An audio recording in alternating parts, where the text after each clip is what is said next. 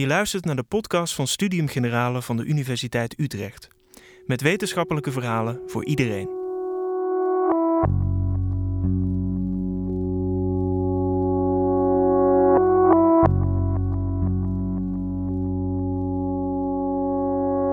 Van de parodieën van Lucky TV tot de kantinepraat van Voetbal Inside.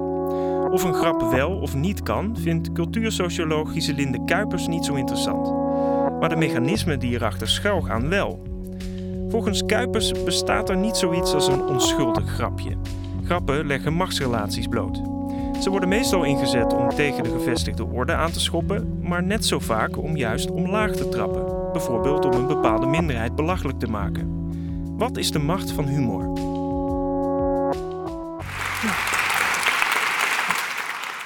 Goedenavond allemaal en welkom bij deze laatste lezing in de serie 17 miljoen mensen. Uh, heel erg dank aan de organisatie en aan Nienke om, uh, dat ik uitgenodigd ben. Het is een grote eer. Um, ik uh, zal vandaag praten over humor, zal worden. En wat ik ga zeggen is, humor is een serieuze zaak. Dat zou u niet verbazen. Het is weliswaar leuk en prettig en mooi en goed dat we het allemaal hebben. Uh, maar het is ook lastig en gevaarlijk. En hoe diverser een samenleving wordt, hoe ingewikkelder humor wordt. Helaas. Uh, dat wil niet zeggen dat we niets meer kunnen zeggen, zoals er vaak wordt gezegd. Uh, een van de verwijten die dan politiek correct heet, is dat je dat er niks meer mag. Dan wordt er vaak gesproken van de humorpolitie. En wat ik eigenlijk wil beheren, beweren is niet zozeer dat er niets meer mag of dat er niets meer kan, als wel dat humor naarmate een samenleving ingewikkelder wordt, dat we er gewoon ietsje beter over moeten nadenken. Dat is eigenlijk, dat is misschien ook niet zo'n heel grappige mededeling, maar dan weet u een beetje waar ik heen ga. Um, het is ingewikkeld, zoals dat tegenwoordig heet. Um, we beginnen bij een voorbeeld. Uh, een heel recent voorbeeld, misschien hebt u het wel gezien. Um, deze. Uh, dit komt uit de Leeuwarder Courant. Uh, daar had iemand op de markt van Leeuwarden op de dag dat de rechtszaak tegen de zogenaamde blokkeervriezen uh, plaatsvond, had daar een actie gedaan om, te steun, om deze blokkeervriezen te steunen. Um, dat viel niet zo goed. Dit was de actie. Hier staat uh, steun voor de blokkeervriezen Zwarte Piet is Zwarte Piet, anders willen wij niet. Uh, nou, wat er gebeurt is, is dat uh, op verzoek van, dit was op de markt van Leeuwarden op het Centrale Plein, op verzoek van de beheerder van de markt is dit heel snel weggehaald. En wat zei meneer Boonstra? hij zei, het was maar een geintje. En dat is natuurlijk in zo'n gevallen heel vaak wat er gebeurt. Dat inderdaad, er, wordt, er gebeurt iets en de mensen reageren erop. En dan zeggen mensen, ja, maar het was maar een grapje. Dus je moest het niet zo serieus nemen. Nou, dat is precies de discussie die je heel erg vaak krijgt op het moment dat mensen grapjes maken. Want heel veel grappen gaan nou eenmaal niet over dingen waar niemand om geeft of die mensen niet zo belangrijk zijn. Maar de meeste grappen gaan over dingen waar we heel erg grote gevoelens hebben. Dat is eigenlijk geldt voor alle grappen, dat is universeel in de hele wereld. Mensen lachen vooral om dingen waar ze om geven, die belangrijk voor ze zijn. Dus mensen lachen eigenlijk om dingen die ze na aan het hart liggen. Maar heel vaak is het zo dat op het moment dat het dan daardoor ook zo verkeerd valt en dat mensen dan een soort van zich kunnen terugtreden en zeggen van ja, maar het was niet serieus. En dat is ook waar. Humor gaat dus over, vaak over dingen die we heel serieus nemen. Tegelijkertijd is het een niet serieuze manier om om te gaan met serieuze dingen. En dat maakt het precies zo verschrikkelijk ingewikkeld. Het is dus en serieus en niet serieus tegelijkertijd. En wat betekent dat nou? hoe moet je daar dan mee omgaan als iemand eigenlijk twee mededelingen tegelijkertijd geeft? We bespreken dat in het kader van een lezingreeks en een collegereeks die gaat over de open samenleving. En dat is belangrijk omdat de open samenleving is eigenlijk een normatief ideaal. Dus is een ideaal voor een bepaald soort samenleving waarin open discussie mogelijk is, uh, waarin mensen op verschillende manieren zich mogen uiten, waar mensen elkaar dus ook treffen in een soort van in het publieke domein. En dat is ook waarom ik voor deze slides, voor deze dia-serie ook de hele tijd een theater gebruik als achtergrond. Wat een metafoor die vaak wordt gebruikt in zo'n open samenleving is voor de publieke ruimte, voor het publieke domein, als een toneel, waar allerlei verschillende mensen zich kunnen presenteren en hun meningen kenbaar maken en die inderdaad ook met elkaar kunnen uitwisselen in dat publieke theater, in die publieke ruimte. En wat interessant is voor vandaag, is dat degene die het eerst schreef over die open samenleving was Henri Bergson, was een Franse filosoof van het begin van de vorige eeuw. En die heeft toevallig ook een van de beroemdste boeken geschreven over lachen. Dus het is niet toevallig dat als je nadenkt over hoe mensen met elkaar om moeten gaan in een open samenleving waarin iedereen zichzelf moet kunnen zijn, maar ook in vrede moet kunnen samenleven, dat je dan eigenlijk ook al heel snel gaat nadenken over hoe lachen en humor dan precies werkt, omdat het zo'n gekke manier is van communiceren in een open samenleving waarin je in eerste instantie denkt aan mensen die eigenlijk serieus met elkaar praten. Nou blijkt, als je er langer over nadenkt, dat er ook een soort van verhaal is over die open samenleving waarin humor een belangrijke rol speelt.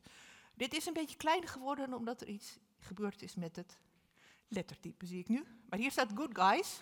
Uh, de dramatis personae in de open samenleving, zoals wij die kennen. Om te beginnen hebben wij daar de egalitaire politicus met een gevoel voor humor. En dat is heel erg belangrijk. Niet voor dit is Mark Rutte, ik neem aan dat dat bekend is, maar dit is Mark Rutte bij het Correspondence Dinner. Uh, dat was twee jaar geleden, dat is geïmporteerd uit de VS, waarin Mark Rutte dus eigenlijk een soort van comedy act deed.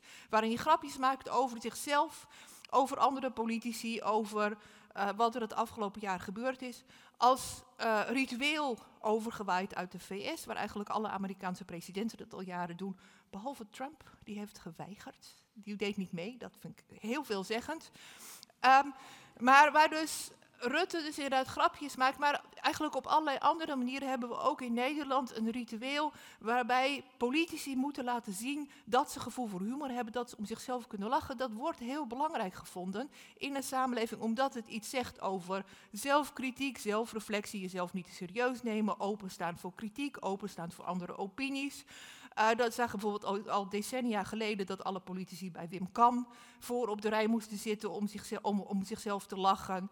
Uh, dat is eigenlijk, naarmate de Nederlandse samenleving opener en egalitairder geworden is, steeds belangrijker geworden. En ook als je kijkt naar de uh, bordesfoto's, de portretten van alle opeenvolgende kabinetten vanaf de Tweede Wereldoorlog, dan zie je ook dat ze steeds meer lachen.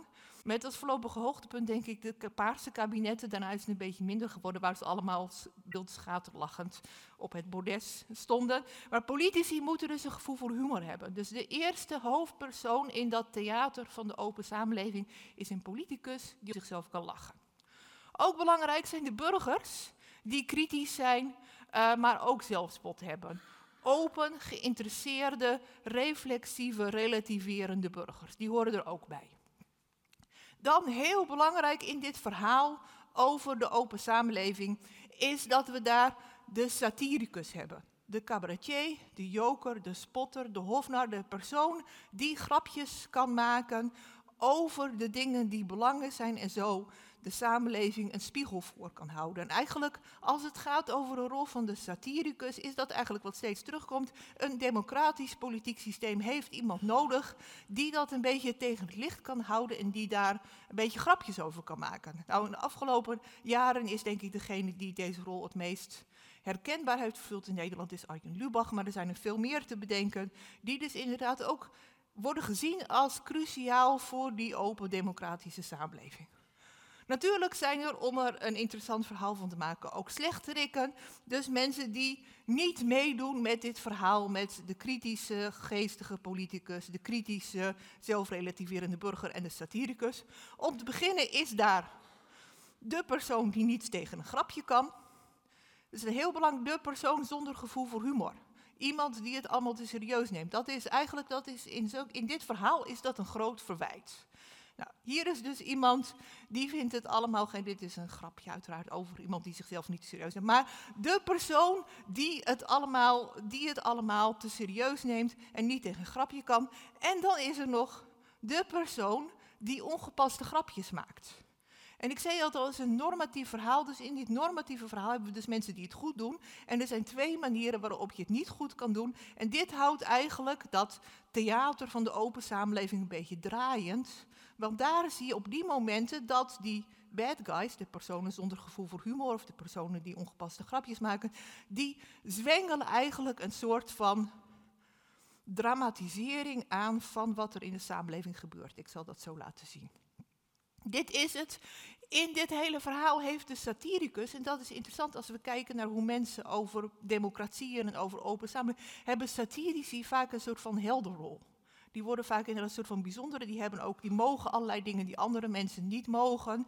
Die hebben een soort van geprivilegeerde positie, die kunnen dingen zeggen, die komen met dingen weg. Dat komt omdat zij die rol op zich nemen van spiegelaar, criticus, degene die ook, de, ook de, de koning traditioneel, maar ook de premier aan mogen spreken, mogen bespotten op datgene wat er fout gaat. Nou, daar hebben we er een heleboel van. Ik noem gewoon eventjes een paar voorbeelden waar ik de afgelopen weken om moest glimlachen. Uh, dat is ook heel persoonlijk, niet iedereen vindt hetzelfde leuk. Uh, deze. Eentje die ik heel slim vond was deze. Misschien hebt u het wel gezien. Uh, het gaat niet alleen over Nederland. Dit, was een, dit is een uh, Brit die uh, twittert over het Israël-Palestina-conflict. En eh, Zweden had Zweden had de Palestijnse staat erkend. Toen had de de buitenlandse minister van Israël had erover gezegd dat de Zweden niet begrepen hadden dat dit wel echt een beetje ingewikkelder was dan het in elkaar zetten van een IKEA-pakketje. En in resultaat erop heeft hij dit getwitterd. Dus soms is het ook slim en wat er interessant aan is, is dat het natuurlijk ook een beetje ambivalent is. Uh, zo denken wij eigenlijk over de satiricus.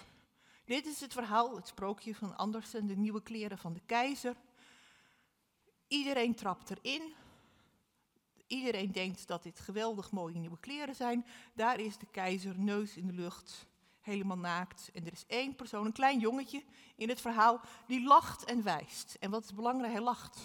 Het is een moment dat hij lacht en dan wordt de keizer ontmaskerd. En dan vindt iedereen het grappig. Dat is eigenlijk het normatieve verhaal van de rol van humor in de open samenleving.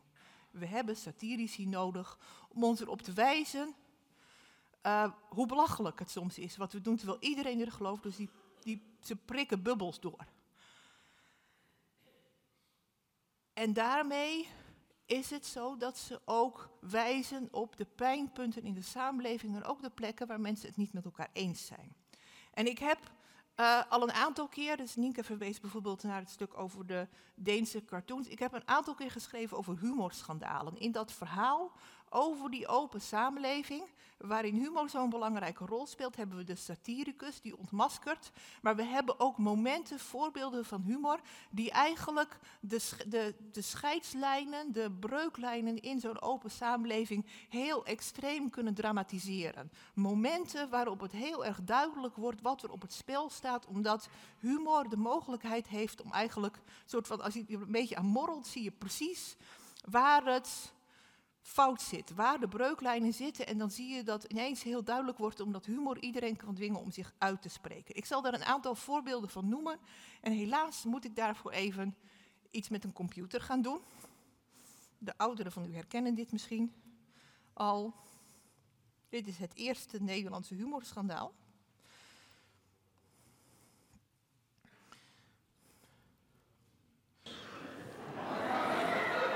Het kruis dat zegt tot de wereld. Oh, pardon. Wie horen kan verkondigen. Ik moet even naar het begin.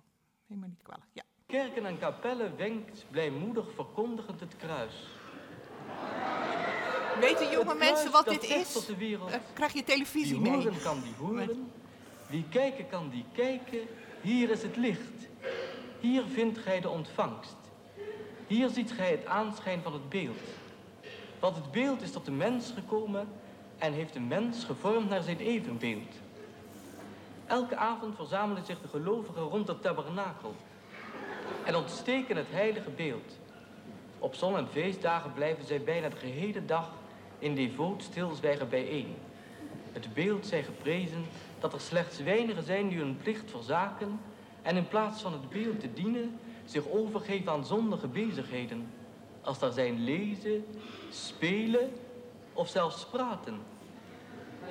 Nee, de miljoenen en miljoenen gelovigen kunnen niet genoeg krijgen van de blijde boodschap. In het begin was het beeld en het beeld was goed en het beeld is goed. Komt allen tot het beeld die belast en beladen zijt, want het beeld zal u rust geven.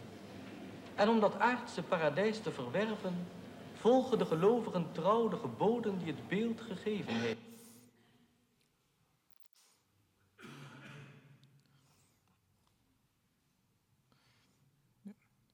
Is er iemand die dit herkende? Oké, dit is 1963, 64. Uh, zo was het toevallig ook nog eens een keer het eerste Nederlandse humorschandaal. Uh, de, de, meeste hoofdrolspelers in dit drama zijn inmiddels overleden. de bekendste hoofdrolspeler was de onlangs overleden Mies Bouwman.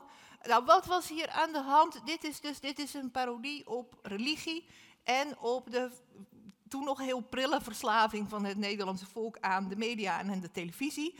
Dit leidde tot een ongelooflijk schandaal.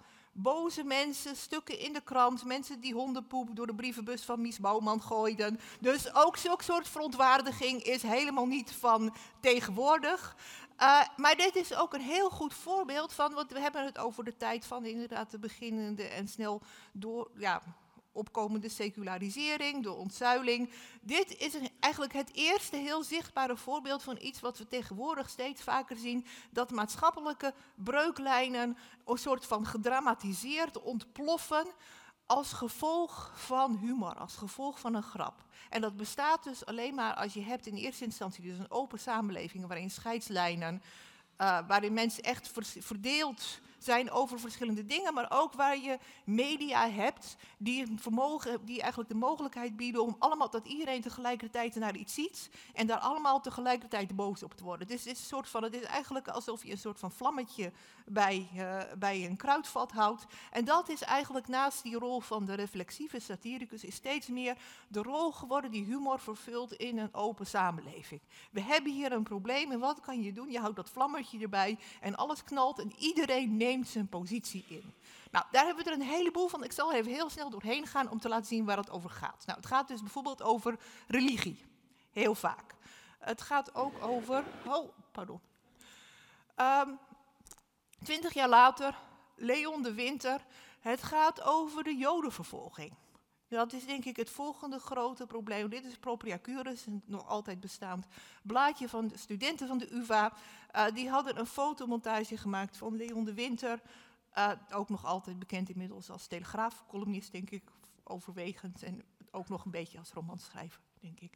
Um, maar is een montage van hem in, uh, in Auschwitz. Hij heeft daarvoor, ze zijn daarvoor aangeklaagd. Ook daar, het was bedoeld als een grapje. Veroordeeld. Theo Maassen, misschien wel bekend. Hier weer religie. Uh, Theo Maassen die in 2005 die, uh, met een crucifix die een kruis aflikt. Ook dat, groot schandaal, veel boze mensen. Weer over religie en weer hetzelfde. de Deense cartooncrisis. 2005 tot 2007 de publicatie van een aantal cartoons in een Deense krant van Mohammed. De eerste transnationale humorschandaal. Want zulke soort dynamieken met inderdaad dat soort van dat iedereen zijn positie inneemt als reactie op een bepaald uiting van humor zien we tegenwoordig ook transnationaal. Uh, Gregorius Nekschot in Nederland. En daar zie je eigenlijk dat in de loop van, eigenlijk na 2000, dat bijna alle humorschandalen gaan steeds vaker en steeds meer over etnische verschillen, etnische relaties en over de islam. Gregorius Nekschot, zijn naam is nog steeds niet officieel bekend. Hij is aangehouden, uiteindelijk nooit vervolgd voor uh, kwetsende cartoons. Hij is nog steeds actief. We weten zijn naam nog steeds niet. Het gaat ook nog steeds regelmatig over het Koningshuis. Um, Lucky TV 2012. En de meest recente, heel kort geleden iemand die een grapje maakte over het ongeluk in Os. Deze, het is, wil ik nu alvast zeggen, dit is heel bijzonder. Dat hebben we misschien niet door, maar dit is een heel ongebruikelijke gebeurtenis. Omdat dit bij mijn weten de eerste keer is dat het niet een professionele komiek is. Die uh, zeg maar de, de, de, de aanstichter is en ook de focus van de massale verontwaardiging, maar een gewoon iemand. Dus ook daar is wel iets veranderd. Maar we zien eigenlijk, als je dat zo ziet, zie je meteen, het is een soort van catalogus van alle dingen waar men zich in Nederland druk over maakt. En op het moment dat het inderdaad iets is wat mensen heel erg verdedigt, dan zijn het eigenlijk altijd voorbeelden van humor, die inderdaad dat op de meest zichtbare manier naar boven laten komen. Dus in dat hele drama van de open samenleving is humor ook de manier om te zorgen dat iedereen eigenlijk dat echt uitspeelt en het dramatiseert. Grensoverschrijdend humor maakt sociale en morele grenzen tot publiek drama. Tot naar buiten komen op het moment dat iedereen ziet, dit is waar wij als samenleving het meest over verdeeld zijn. Iedereen neemt zijn positie in en wordt steeds bozer en bozer in die positie. Maar daar zit natuurlijk ook een heel groot risico in. En ik begreep ook dat inderdaad dat het hier eerder gegaan is over polarisatie. En dat is natuurlijk precies het probleem wat er op zulke soort momenten is. Het is inderdaad, kijk, humor is natuurlijk, het is een hele mooie manier van communicatie, maar het is eigenlijk niet een manier vanzelf om nader tot elkaar te komen. Zeker op deze manier, ook de voorbeelden die je zagen. Wat het doet is eigenlijk iedereen in de positie zetten die die um, heeft en daarin vastraken. Nou, hoe komt dat nou, dat humor precies zo werkt? Nou, dat wil ik eigenlijk met u bespreken. Wat is er nou met humor aan de hand dat het zo heel goed kan leiden tot het innemen van zo'n soort van vaste positie? Nou, we even terug hierbij.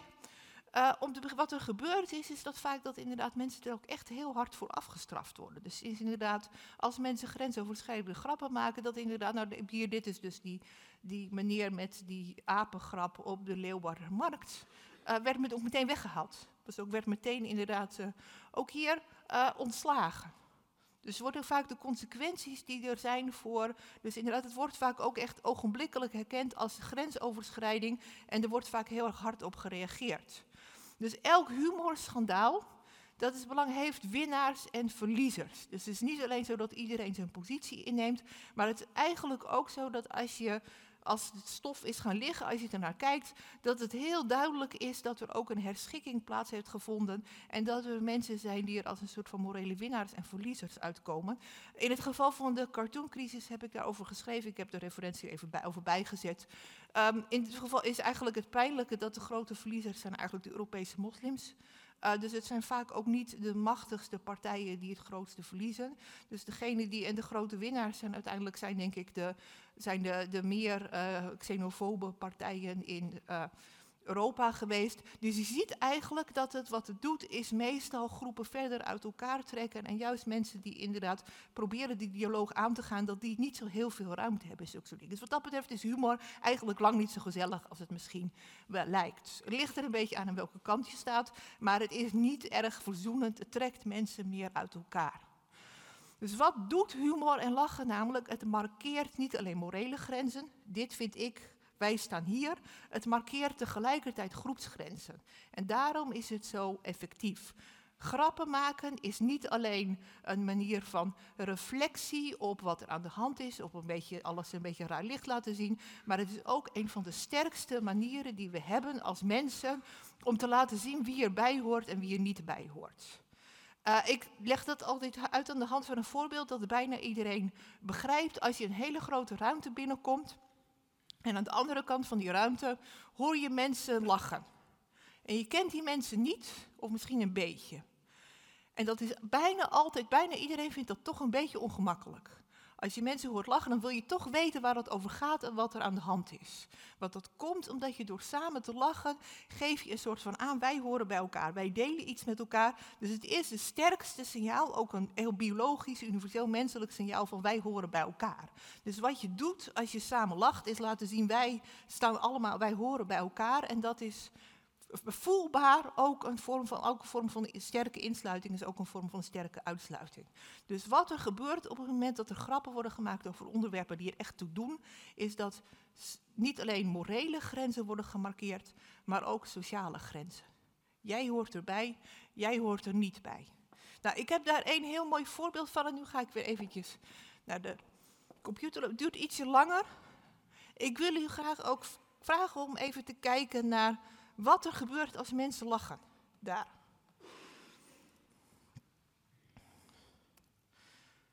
Welkom terug bij uh, Met, met Johan Derksen, Jan Boskap en Renate van der Gijp. Johan. Ja. Hoe lang zit Sunday Odyssey nog op de bank de Fortuna Sittard? Moeten we nou nog serieus over Ja. Maar wie, wie is daar, wie is daar eh, technisch directeur dan? Is dat Hofland? Nee. Nee, nee, die zit bij, Nee, omdat PSV. wie, wie, met wie had hij een probleem dan op dit moment? Ik weet het niet meer. Nee, met de, hele, met de hele groep had hij problemen. Hij heeft die groep nogal kritisch afgezaagd eh, voor, dat, eh, voor die tv-zender L1. Ja. En ik heb de indruk dat het bestuur wel klaar is met hem. Maar het is wel de eerste trainer in 100 jaar die daar weer succes heeft. Ja. Het is voor jou niet nieuw natuurlijk, begrijp ik ook wel. Nee, ik wist het. eh Nee, maar Nicky, Boudewijn- Nicky vertelde wel dat zijn vader veranderd. Boudewijn van Speelbeek heeft in België daarvoor gekozen. En daar is heel positief op gereageerd, toch? Dat, inderdaad, ja. Ja. ja. dat- Hij is wereldberoemd geworden. Die, ja, ik weet niet wat het is nou, maar... Hij, hij is echt wereldberoemd geworden. Of Ja. zij. ja. Het is nu eigenlijk een zij, inderdaad. Jawel, maar ik, kijk, dit is, dit is best een serieus onderwerp, dat Ja. begrijp ik wel. Maar eh, ik, ik heb dat allemaal met die meneer, ik ken die meneer niet, maar ik heb het allemaal gevolgd de afgelopen dagen. Maar dan. Als mensen hier door poepjes gaan laten, dan kan het ermee, hè? Ja, dat moet hij niet doen. Nee, maar als. eh, kijk, ik vind het prima. Maar dan zit ik daar te kijken met je, met je volle verstand en je nuchtere kijk op het leven. En dan hoor ik, de kinderen zijn zo blij voor hem en zijn vrouw is zo blij. Als ik zo in Grollo de hond uit gaat laten, zit mijn vrouw al in de trein. Die, die, die blijft niet natuurlijk. Weet je wel? En we moeten ook niet net doen of het normaal is. Want we proberen dat nu te respecteren door te denken, dat is toch heel normaal? Nou ja, normaal is Maar er zijn mensen die ermee worstelen, een heel leven Ja. mee worstelen. Dat blijkt ook wel. Heeft het vorig Nou, maar als hij daarmee worstelt en hij neemt deze beslissing, dan gun ik hem dat van harte. Ja. Maar jij kan... Maar, ik, ik, ik blijf het wel bijzonder vinden. Ja, ja, ik ook, ja. Ja. Ja, ja. maar jij past ook niet in zo'n zo, zo'n klein sexy BH'tje, denk ik. Nee, maar ja, Maar je vond het niet knap, dat, dat, dat zei er zo gisteren. Nee, dat vind ik niet knap. Nee? Nee, ik, ik, ik vind het een beetje vreemd. Maar iedere gek heeft zijn gebrek, dus dat moet hij maar doen. Maar ik, ik, jij zit nou hier ook met zo'n gezicht, zoals heel Nederland het doet. Nou ja, ik bedoel, ik... Zo van, ja, ja, maar dat is toch heel knap dat die man dat durft. Nou, ik vind het een beetje gek. Ja. ja. Dat zullen wel veel meer mensen hebben gedacht, dat ze het gek vinden. Maar ze, je kunt het... Goed. Ja.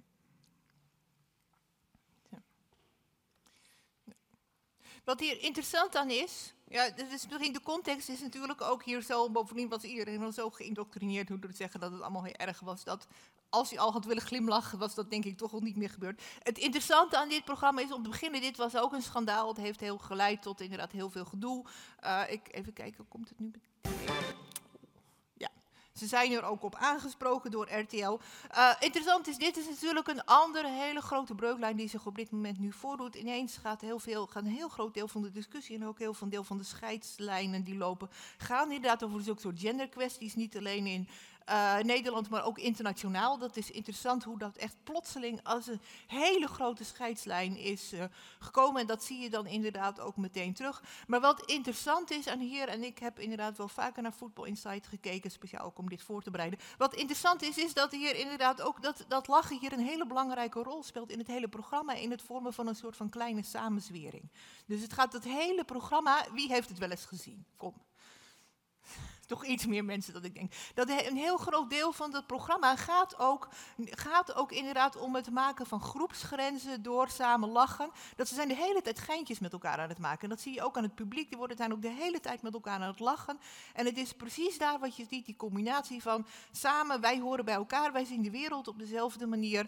En daarmee die morele grenzen van dit is normaal en dit is niet normaal. Dus je ziet dat inderdaad heel vaak terug. En dat is juist inderdaad wat heel erg vaak wat humor doet.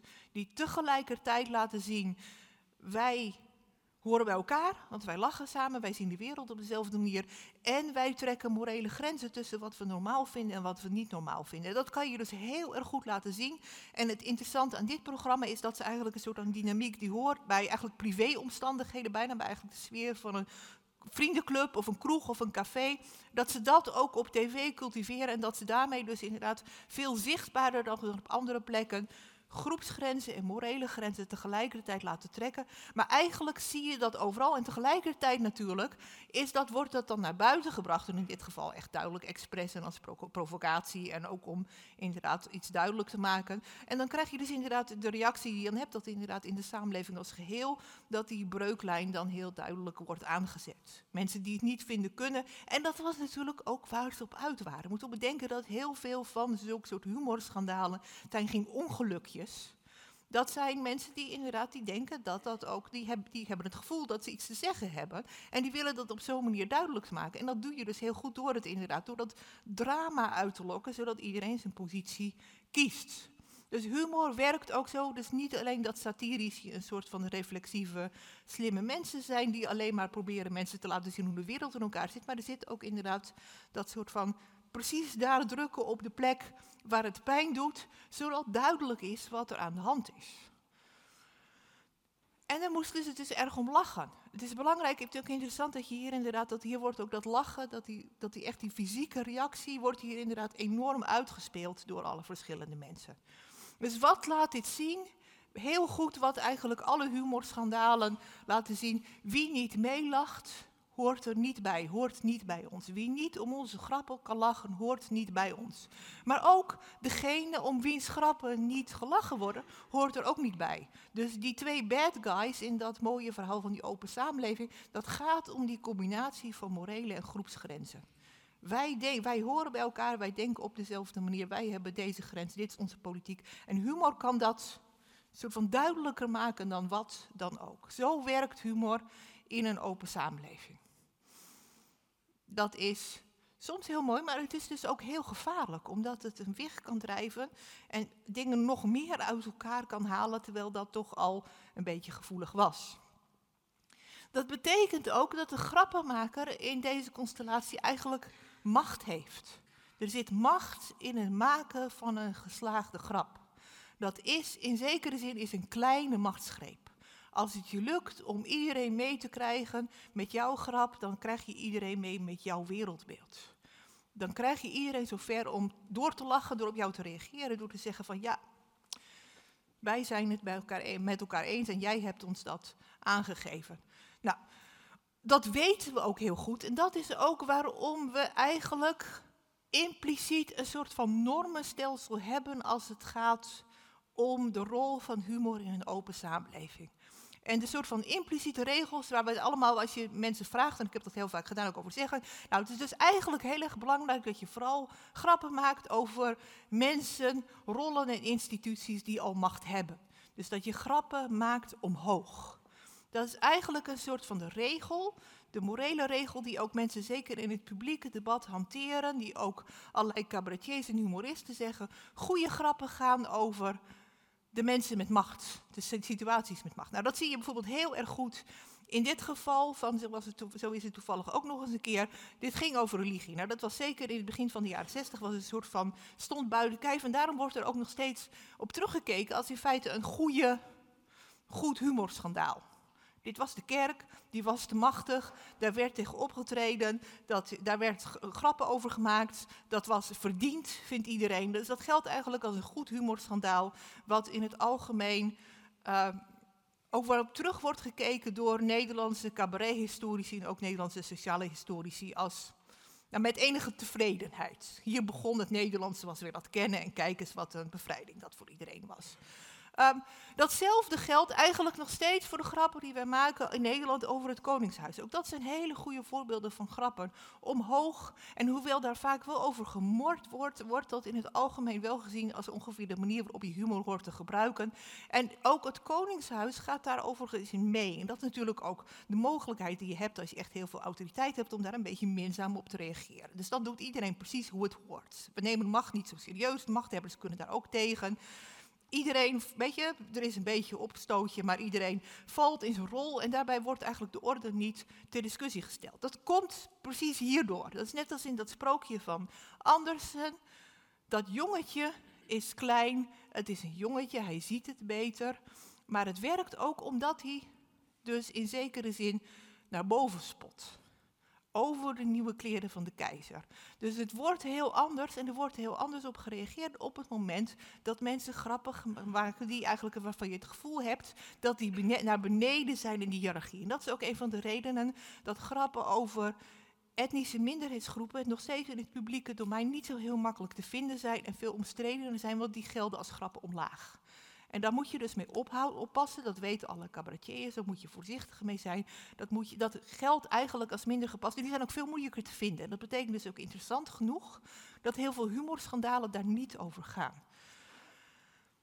Dat idee van omhoog lachen is echt heel diep ingebed in onze zeg maar, humor, zou je het noemen. Dit is Provo, inderdaad. Provo was eigenlijk een soort van het idee van... Uh, Lachen om de machthebber kleiner te maken, om die belachelijk te maken, om het gezag uit te dagen en daarmee, dat wordt nog steeds met enige nostalgie en welwillendheid bekeken. Uh, maar we zien dat ook op andere plekken en dan weten we het eigenlijk minder zeker. Het is een beetje hetzelfde gevoel dat nu zit in, um, in alt-right. Dit is Pepe the Frog. Pepe the Frog is een meme. Het meest gebruikte meme is een, oorspronkelijk was het een, een, een stripfiguur. Die is zich toegeëigend door een groep uh, op internet die eigenlijk uh, alt-right is. Dus die zich associeert met allerlei uh, populistisch rechts, extreemrechtse dingen. Dus het is eigenlijk een soort van de mascotte daarvan geworden tot verdriet van de maker hiervan. Maar dat is, ook, dat is eigenlijk ook een subcultuur die heel veel gebruikt van humor, gebruik maakt van humor internationaal, dus ook gebruik in de vorm van zulke soort memes. En ook daar zit dat idee in van wij zijn tegen het gezag. Dus daar is eigenlijk de mengsel van politiek. En dat lijkt, dat is een beetje pijnlijk voor de, voor de Provo-mensen, dat lijkt qua stijl erg op Provo. Uh, ook daar het uitdagen van het gezag, dat wordt gezien als dominant. Een geslaagde grap is altijd een kleine machtsgreep. En dat is steeds duidelijker als de grap een doelwit heeft. Niet alle grappen hebben een doelwit, maar heel veel grappen wel. En dan is eigenlijk steeds duidelijker wat de machtsdimensie er is. En daarom vinden we omhoog lachen correcter dan omlaag lachen. Maar dat is eigenlijk lang niet zo simpel. En dat is eigenlijk het probleem. Is heel vaak zie je dat inderdaad bij zulke soort humorschandalen, dat wat er ook op het spel staat, is de vraag wie wordt er hier nou eigenlijk belachelijk gemaakt? Is het nou omhoog of omlaag? Neem deze bijvoorbeeld. Is dit een grap omhoog of omlaag? Nou, je kan je heel goed voorstellen dat dat, dat, dat heel erg van afhangt van de datum. Dat het misschien in 2015 niet een grap omhoog was, dat meer voelde als een grap omhoog, omdat Trump toen nog gold als de uitdager en dat het nu misschien een heel andere vorm heeft. En hier is het een grap omhoog of omlaag. Ik denk dat uh, de makers van Football Insight vinden dat het een grap is tegen een soort van gevestigde orde. Dat zij het voor zichzelf zo zien. Ik zou het niet zo lezen, maar ik denk wel dat het mogelijk is. En heel vaak is dat precies wat er gebeurt, is dat het eigenlijk helemaal niet zo helder is. En dat iedereen denkt dat hij aan het protesteren is tegen een dominant gezag, terwijl andere mensen dat ook denken. Dus dat heel veel van de conflicten pardon, die we tegenwoordig hebben, dat die er eigenlijk juist om gaan dat iedereen het gevoel heeft dat de ander bezig is het publieke domein over te nemen en de macht over te nemen. En dat je er daardoor ook niet meer uitkomt wanneer, iets, wanneer een grap goed of slecht is. Neem bijvoorbeeld hier, dit was heel duidelijk bij het geval van de zogenaamde blokkeervriezen. Dus eigenlijk de hele discussie ging erover dat inderdaad de vraag is, zijn dit nou mensen die zich verzetten tegen een soort van gezag dat hun probeert over te nemen en waardoor je niks meer mag zeggen? Of zijn het mensen die omlaag trappen tegen een groep die het helemaal niet zo goed heeft? En we zijn er helemaal niet zo uit. Het is helemaal niet zo makkelijk om te zeggen, want beide interpretaties bestaan is dit iemand die een grap maakt over politiek correcte mensen uit de Randstad die de Friese willen opleggen wat er aan de hand is? Dan is het een grap omhoog. Of is het iemand van de gevestigde groep in Nederland die een grap maakt over afstammelingen van migranten in Nederland? En dan is het een grap omlaag. Ik denk dat beide interpretaties door verschillende mensen worden gezien en dan kom je met dat morele kader van omhoog of omlaag niet uit. En dat betekent dat mensen aan beide kanten werkelijk beledigd en oprecht verontwaardigd kunnen zijn of het, dat het mag of dat het niet mag, omdat het kader eigenlijk niet helpt. De macht van de grappenmaker wordt gespiegeld door de onmacht van degene om wie gelachen wordt. En denken we even terug aan het voorbeeld dat ik net noemde van mensen die inderdaad ergens aan het lachen zijn en je weet niet waar het over gaat. Lachen waar je niet bij hoort, doet echte pijn. Doet echte, zeker niet alleen lachen waar je niet bij hoort. Mensen die lachen, dat doet echte pijn. Zeker als jij degene bent om wie gelachen wordt. Dus lachen of niet lachen is een werkelijke vorm van uitsluiting in het klein en ook in het groot. Uh, dat kan ook heel pijnlijk zijn en erger zijn dan allerlei andere manieren om uitgesloten of belachelijk gemaakt te worden. Um, en dat betekent dat ook in het publieke domein belachelijk maken eigenlijk een heel zwaar wapen is. En weet erom, het klinkt heel lief en heel schattig en heel vriendelijk en humor kan eigenlijk heel leuk zijn, maar het kan dus heel hard aankomen. Dit is, herkent iemand dit nog? Wie is Pim Fortuyn? Ja, er was dus een, en nog steeds een tijd lang dat inderdaad politici inderdaad belachelijk werden gemaakt door een taart in hun gezicht te smijten. En ik weet niet, degene die daar oud genoeg was om te weten, dat was denk ik, Pim Fortuyn was werkelijk enorm gekrenkt. Hij was bozer door die taart die hij in zijn gezicht heeft gekregen dan door heel veel meer serieuze aanvallen, omdat het een echte krenking is. Het is belachelijk maken, is op allerlei manieren kan veel harder aankomen, ook in het publieke debat, juist doordat het zo uitsluitend is, doordat het in zekere zin je mond doodmaakt. En het is helemaal niet zo makkelijk om daar goed op te reageren. Wat echt heel ingewikkeld is, als jij degene bent die belachelijk wordt gemaakt, dan heb je eigenlijk heel weinig mogelijkheden om daar op een beetje een chique, waardige manier om te reageren. En dat is waarom humor zo ingewikkeld is in het publieke debat, probeer maar te bedenken hoe je daarop moet reageren. Als ridiculisering is wat als je je belachelijk gemaakt voelt. Het, is een, het kan leiden tot niet alleen echte pijn, maar tot een vorm van verlamming die het eigenlijk veel moeilijker maakt om er echt goed op te reageren. En we vinden eigenlijk vaak alle reacties van mensen op belachelijk gemaakt worden, vinden we ook niet zo ziek. Nou, dit is bijvoorbeeld de reactie op de cartoonwedstrijd van Wilders eerder dit jaar. Mensen die boos worden, als je boos wordt omdat iemand een grapje over maakt, dat vinden wij niet chic. Dan heb je geen gevoel voor humor. Pim Fortuyn, ook hier, die werd ook boos. Dan heb je dus geen gevoel voor humor. En dat vinden wij heel erg. Geen gevoel voor humor hebben is niet een licht verwijt. Geen gevoel voor humor hebben, dan is er iets mis met je. Dat is heel erg. Niemand zou van zichzelf zeggen dat hij geen gevoel voor humor heeft. Dus dat is in datzelfde verhaal van die open samenleving. Is geen gevoel voor humor hebben best een serieus probleem. Nou, en dat is dus een verwijt dat veel vaker voorkomt. En wie hebben er geen gevoel voor humor? Toevallig zijn dat meestal de mensen die ook ietsje minder sociale macht hebben. Als je dat onder elkaar zet, nou, je kan er nog eventjes een tijdje naar googlen. Nou, om te beginnen, degene met wie je het niet eens bent, heeft veel vaker geen gevoel voor humor. Maar als je kijkt naar de soort van sociale hiërarchieën, dan komt dat schijnt geen gevoel voor humor veel vaker voor te komen bij vrouwen dan bij mannen, bij allochtonen dan bij autochtonen, bij gelovigen tegenwoordig dan niet-gelovigen. Dus het is niet helemaal toevallig dat die situatie, dat er een grapje over je gemaakt wordt en dat je daar niet heel erg goed op kan reageren, dat komt vaker voor voor sommige mensen dan voor andere mensen. En dat is geen toeval. Er is zelfs een mop over, ook hier had ik een ander lettertype. En die mop geeft iets heel interessants aan. Dit is, het is een Engelse mop. Uh, how many feminists does it take to screw in a light bulb? Dat is een serie van grappen.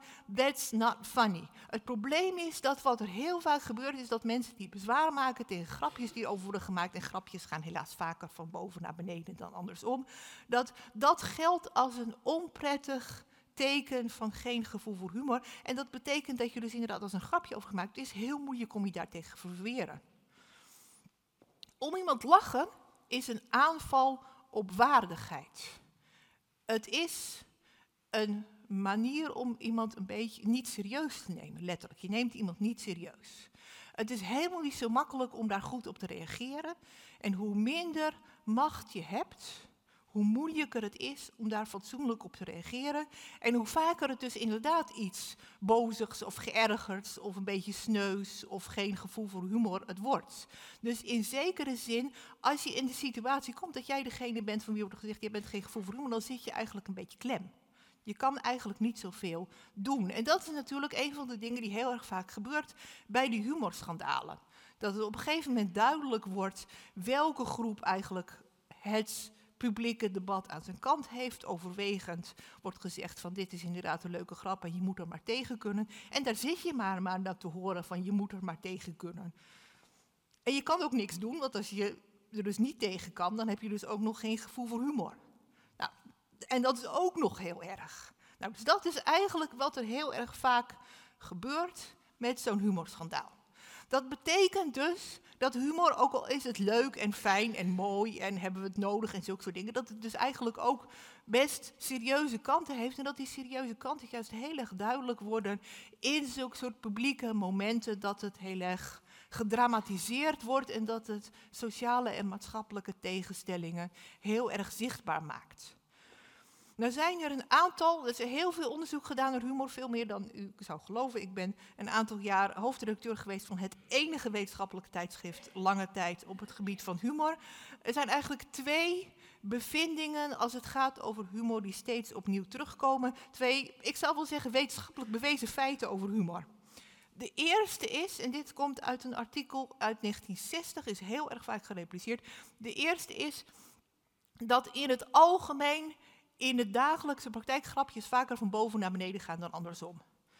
Dus hoewel wij dus vinden dat humor vooral omhoog moet gaan, is het in het grootste deel van de gevallen is het zo dat mensen veel meer grapjes maken over de personen met minder status dan zij. Dat mensen met meer status ook, dat er vaker om ze gelachen wordt. Dus dat humor de neiging heeft om de maatschappelijke hiërarchie te volgen. Helaas doet humor niet wat wij vinden dat het moet. De tweede feit is ietsje van iets recentere datum. Ehm, is inmiddels ook alweer ongeveer 15 jaar geleden, ook heel vaak laten zien. Het andere wat humor doet, is doordat het inderdaad dingen verpakt als maar een grapje, als niet serieus. Wat het doet is eigenlijk in zekere zin zorgen dat je het allemaal minder serieus neemt. Dus het verlaagt mentale en emotionele barrières. Uh, dat betekent dat op het moment dat je grapjes maakt over allerlei andere mensen en andere groepen, dat je de gevoeligheid voor beledigingen en negatieve uitspraken, dat je die een beetje afvlakt.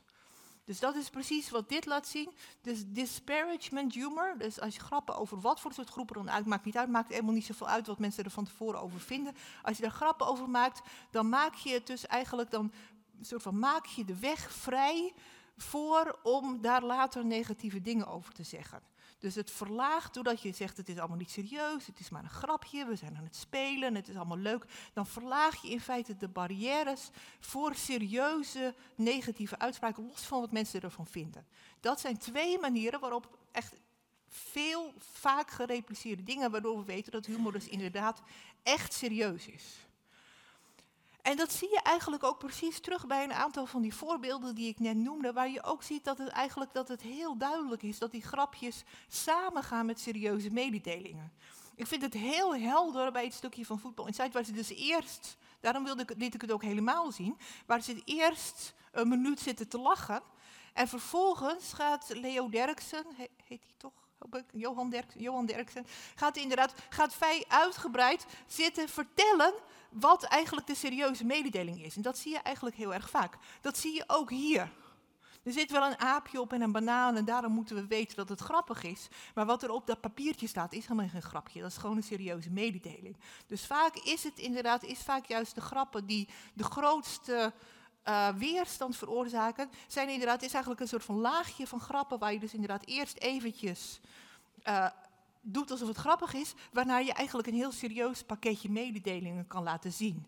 En ook hier bij deze zou ik willen volhouden dat in beide gevallen dat het grappen omlaag zijn. Laten we dat even duidelijk houden. Dat in beide gevallen, zij zullen dat zelf waarschijnlijk niet zeggen, maar het zijn grappen waar mensen met meer status grappen maken over groepen met minder status. Dus die combinatie zie je eigenlijk in heel veel van die voorbeelden terug. Maar die serieuze pakketje, dat zien we ook inderdaad bij Bonafide door iedereen gewaardeerde uh, cabaretiers en komieken zoals Arjen Lubach. Die doet precies hetzelfde. Hij maakt eerst een paar grapjes en daarna gaat hij ons vertellen hoe we de wereld moeten zien. Gisteren hier nog in Utrecht was Arjen Lubach bij de Climate Comedy Night. Nou, ik weet niet of iemand daar was, maar ik heb een stukje van gestreamd. Nou, dat het begint met een heleboel grapjes en dan gaan ze ons precies vertellen wat we moeten doen. En dat is een heel effectief pakket. Dat werkt heel goed. Zo zien we dat heel vaak werken. Humor, dames en heren, is gevaarlijk. Dat is eigenlijk wat ik wil laten zien. Humor kan gewoon een heleboel serieuze effecten hebben. En sommige daarvan zijn misschien niet zo goed voor deze open samenleving. En dat is even slikken, omdat we zo graag geloven dat humor leuk en gezellig en vriendelijk en anders wel heel erg rationeel en verlicht en relativerend en goed is voor je diepere inzicht. Heel vaak is humor helaas gewoon menselijk, over het algemeen onvriendelijk, niet eens altijd kwaad bedoeld. Dit is een hele korte samenvatting van wat ik allemaal net gezegd heb. Dat is denk ik vooral leuk voor de studenten die hier papers over moeten schrijven.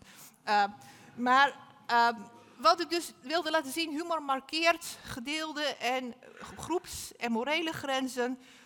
Um, humor, de grappenmaker heeft macht, wat betekent dat er altijd winnaars en verliezers zijn. Het doelwit van een grap is altijd onmachtig. Als iemand dat wil zien, wil ik het best, mag je, mag je mij mailen en dan stuur ik het op. Ik vind dat foto's maken van PowerPoint verrast mij altijd. Dat is een nieuwe, een beetje, mail mij. Ik stuur het graag op. Het doelwit van een grap is altijd onmachtig. En dat of heel snel onmachtig. En dat betekent dat humor eigenlijk behoorlijk serieus kan zijn. En dat weten we natuurlijk ook best, want als we niet zouden geloven dat het serieus zijn, waarom zouden we er dan allemaal zo boos over worden? Ze voelen best wel aan allemaal dat maar een grapje, ik ben bijna klaar, dat maar een grapje uh, niet altijd waar is.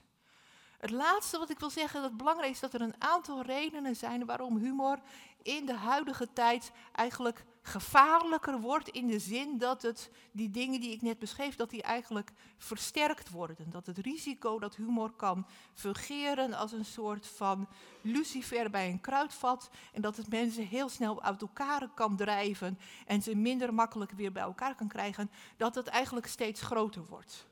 Dat heeft met een aantal verschillende dingen te maken. De eerste is denk ik medialogica. Eigenlijk deze hele, dit hele idee van een humorschandaal in de manier waarop ik het net beschreven heb, bestaat bij gratie van het feit van media. Je, wat je nodig hebt, het is niet voor niets dat het eerste Nederlandse humorschandaal ging ook over de televisie. Je hebt iets nodig waardoor informatie heel erg snel verspreid kan worden over heel veel groepen, omdat dat het aan kan jagen, want anders werkt het eigenlijk niet. En wat dat betreft hij zitten we helaas met een media die inderdaad niet alleen steeds gepolariseerder wordt, maar ook media die steeds meer geneigd zijn om dingen heel erg op te kloppen. Ik weet niet hoe het nu zit, maar ik heb me erg gestoord aan de berichtgeving over de luizenmoeder. Uh, omdat eigenlijk de ene naar de andere journalist, ik ben in de hele week daarna ben ik misschien wel honderd keer gebeld, door allemaal mensen die inderdaad in wat in feite gewoon een best wel vriendelijke comedy was over gênante situaties op een basisschool, dat iedereen sprong op die twee grappen die gingen over allochtonen en dat iedereen daar de hele tijd over praatte. En toen ineens een soort van hele politiek incorrecte, wat dan ook, uh, de makers waren er ook niet. Dus er zit eigenlijk in die dynamiek van hoe media werkt, zit een neiging om dat steeds groter en groter en groter te maken. Uh, dat helpt niet. Want dat betekent dat ook kleine grapjes kunnen exploderen tot steeds grotere en polariserende dingen. En dat is wat we tegenwoordig zien. Wat ook ingewikkeld is, is dat humor steeds meer mondialiseert. We zitten met steeds meer voorbeelden van humor die uit één context komen, in een andere weer terechtkomen en in nog een andere opnieuw bekeken. Dat zien we inderdaad ook met memes bijvoorbeeld. Dus we zien eigenlijk dat humor steeds meer losraakt van verschillende contexten. En daardoor is de kans veel groter dat het explodeert of dat mensen met heel verschillende achtergronden er naar kijken. Dat maakt het riskanter. We zitten ook met wat mediawetenschappers noemen context collapse. Een heel groot deel van de, van de regulering van humor, waar ik het niet over heb gehad, heeft te maken met het onderscheid dat we maken tussen privé en publiek.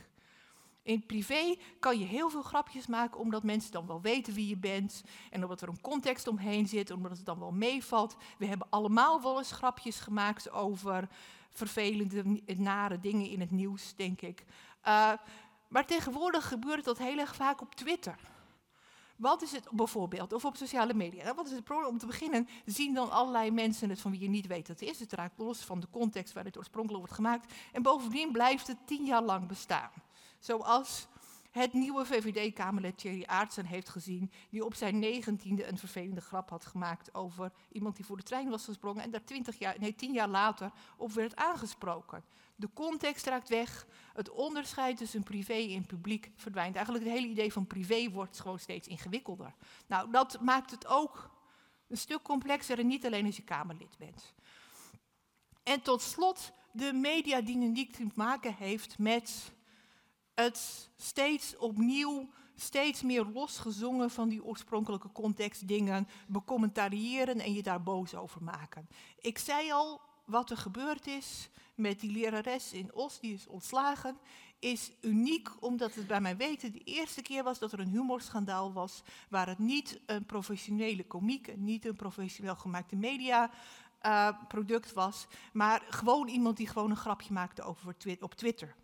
Weliswaar een heel vervelend grapje, maar ik zou zeggen als het gaat over grapjes, over nare dingen in het nieuws, hij of zij die zonder zonde is, werpen de eerste steen. Het zullen er niet veel zijn, maar als je het op Twitter doet, dan zijn de risico's veel groter. Zeker met een soort van dynamiek van enorme verontwaardiging die heel erg makkelijk aangezwengeld wordt door het nieuwe medialandschap. En dat is eigenlijk juist al die mediadynamieken die je hebt in een open samenleving, terwijl je zou zeggen, je hebt om een open samenleving te laten functioneren heb je media nodig, want daarin kunnen mensen elkaar vinden. Maar in toenemende mate zijn media doen precies het tegenovergestelde. Mensen vinden elkaar in steeds kleinere groepjes tegenover allerlei andere mensen. In dit geval, in Twitter, kan je dat heel goed zien. De enorme, en dit is ook een stukje van een deskundige die echt geschrokken is van een soort van frenzy van verontwaardiging die kan ontstaan over. Dat is een soort van. Uh, humorschandaal duizend keer vergroot met een veel kleinere aanleiding. Samenleven is gevaarlijk. Dat is een beetje het probleem. Het probleem is niet humor. Het probleem is dat het gewoon heel erg ingewikkeld is om heel veel mensen met elkaar te laten samenleven. We ontwikkelen daar allemaal wel redelijke regels en informele regels voor met elkaar. We doen in het algemeen doen we ons best. Maar het blijft getop en als dingen heel erg snel veranderen, is het soms heel erg moeilijk om dat te controleren. Waar ik aan moest denken toen ik dit aan het voorbereiden was, gelukkig heb ik niet een filmpje van laten zien, uh, want dan was maar. Er zijn heel veel filmpjes van hoe, met name in Amsterdam, hoe het verkeer zich regelt. Dat is tegenwoordig heel erg in de mode, dat heet shared space, maar sowieso het feit dat het bijna altijd goed gaat. En dat wil ik benadrukken. Humor is gevaarlijk, maar het gaat verbazend vaak goed. En het is een wonder hoe vaak het lukt en hoe vaak het opgelost wordt. Maar we zitten wel met iets gevaarlijks. In zekere zin is humor niet anders dan een heleboel bijna ongelukken. Zonder helm, met weinig regels, maar toch gaat het meestal goed. Maar het gaat niet vanzelf. En dat is waarom ik denk dat wat ik doe misschien wel handig is. Het helpt als we erover nadenken. Het beste wat ik kan zeggen, en dat is voor een open samenleving misschien niet veel, maar best, het helpt als we erover nadenken.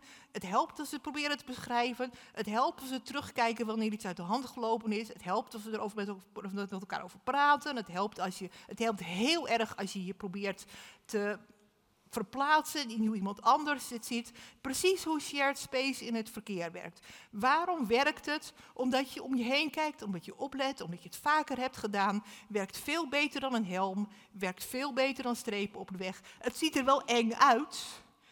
En zeker, ik ik werk ook heel veel met planologen. Ik werk dus aan de Universiteit van Amsterdam. Die zeggen, alle buitenlanders schrikken zich te pletter als ze het Amsterdamse verkeer zien. Want die zeggen, moet je kijken hoe vaak het misgaat. En dan zeggen ze, ja, maar wij zeggen dan altijd hoe vaak het bijna misgaat. Maar meestal gaat het goed. En dat komt omdat het beter is om een open samenleving te hebben waarin mensen het met elkaar moeten rooien. Maar dan helpt het wel als je er een beetje over nadenkt. Maar het is in ieder geval nooit gewoon maar een grapje. Het is wel serieus. Ik dank u wel.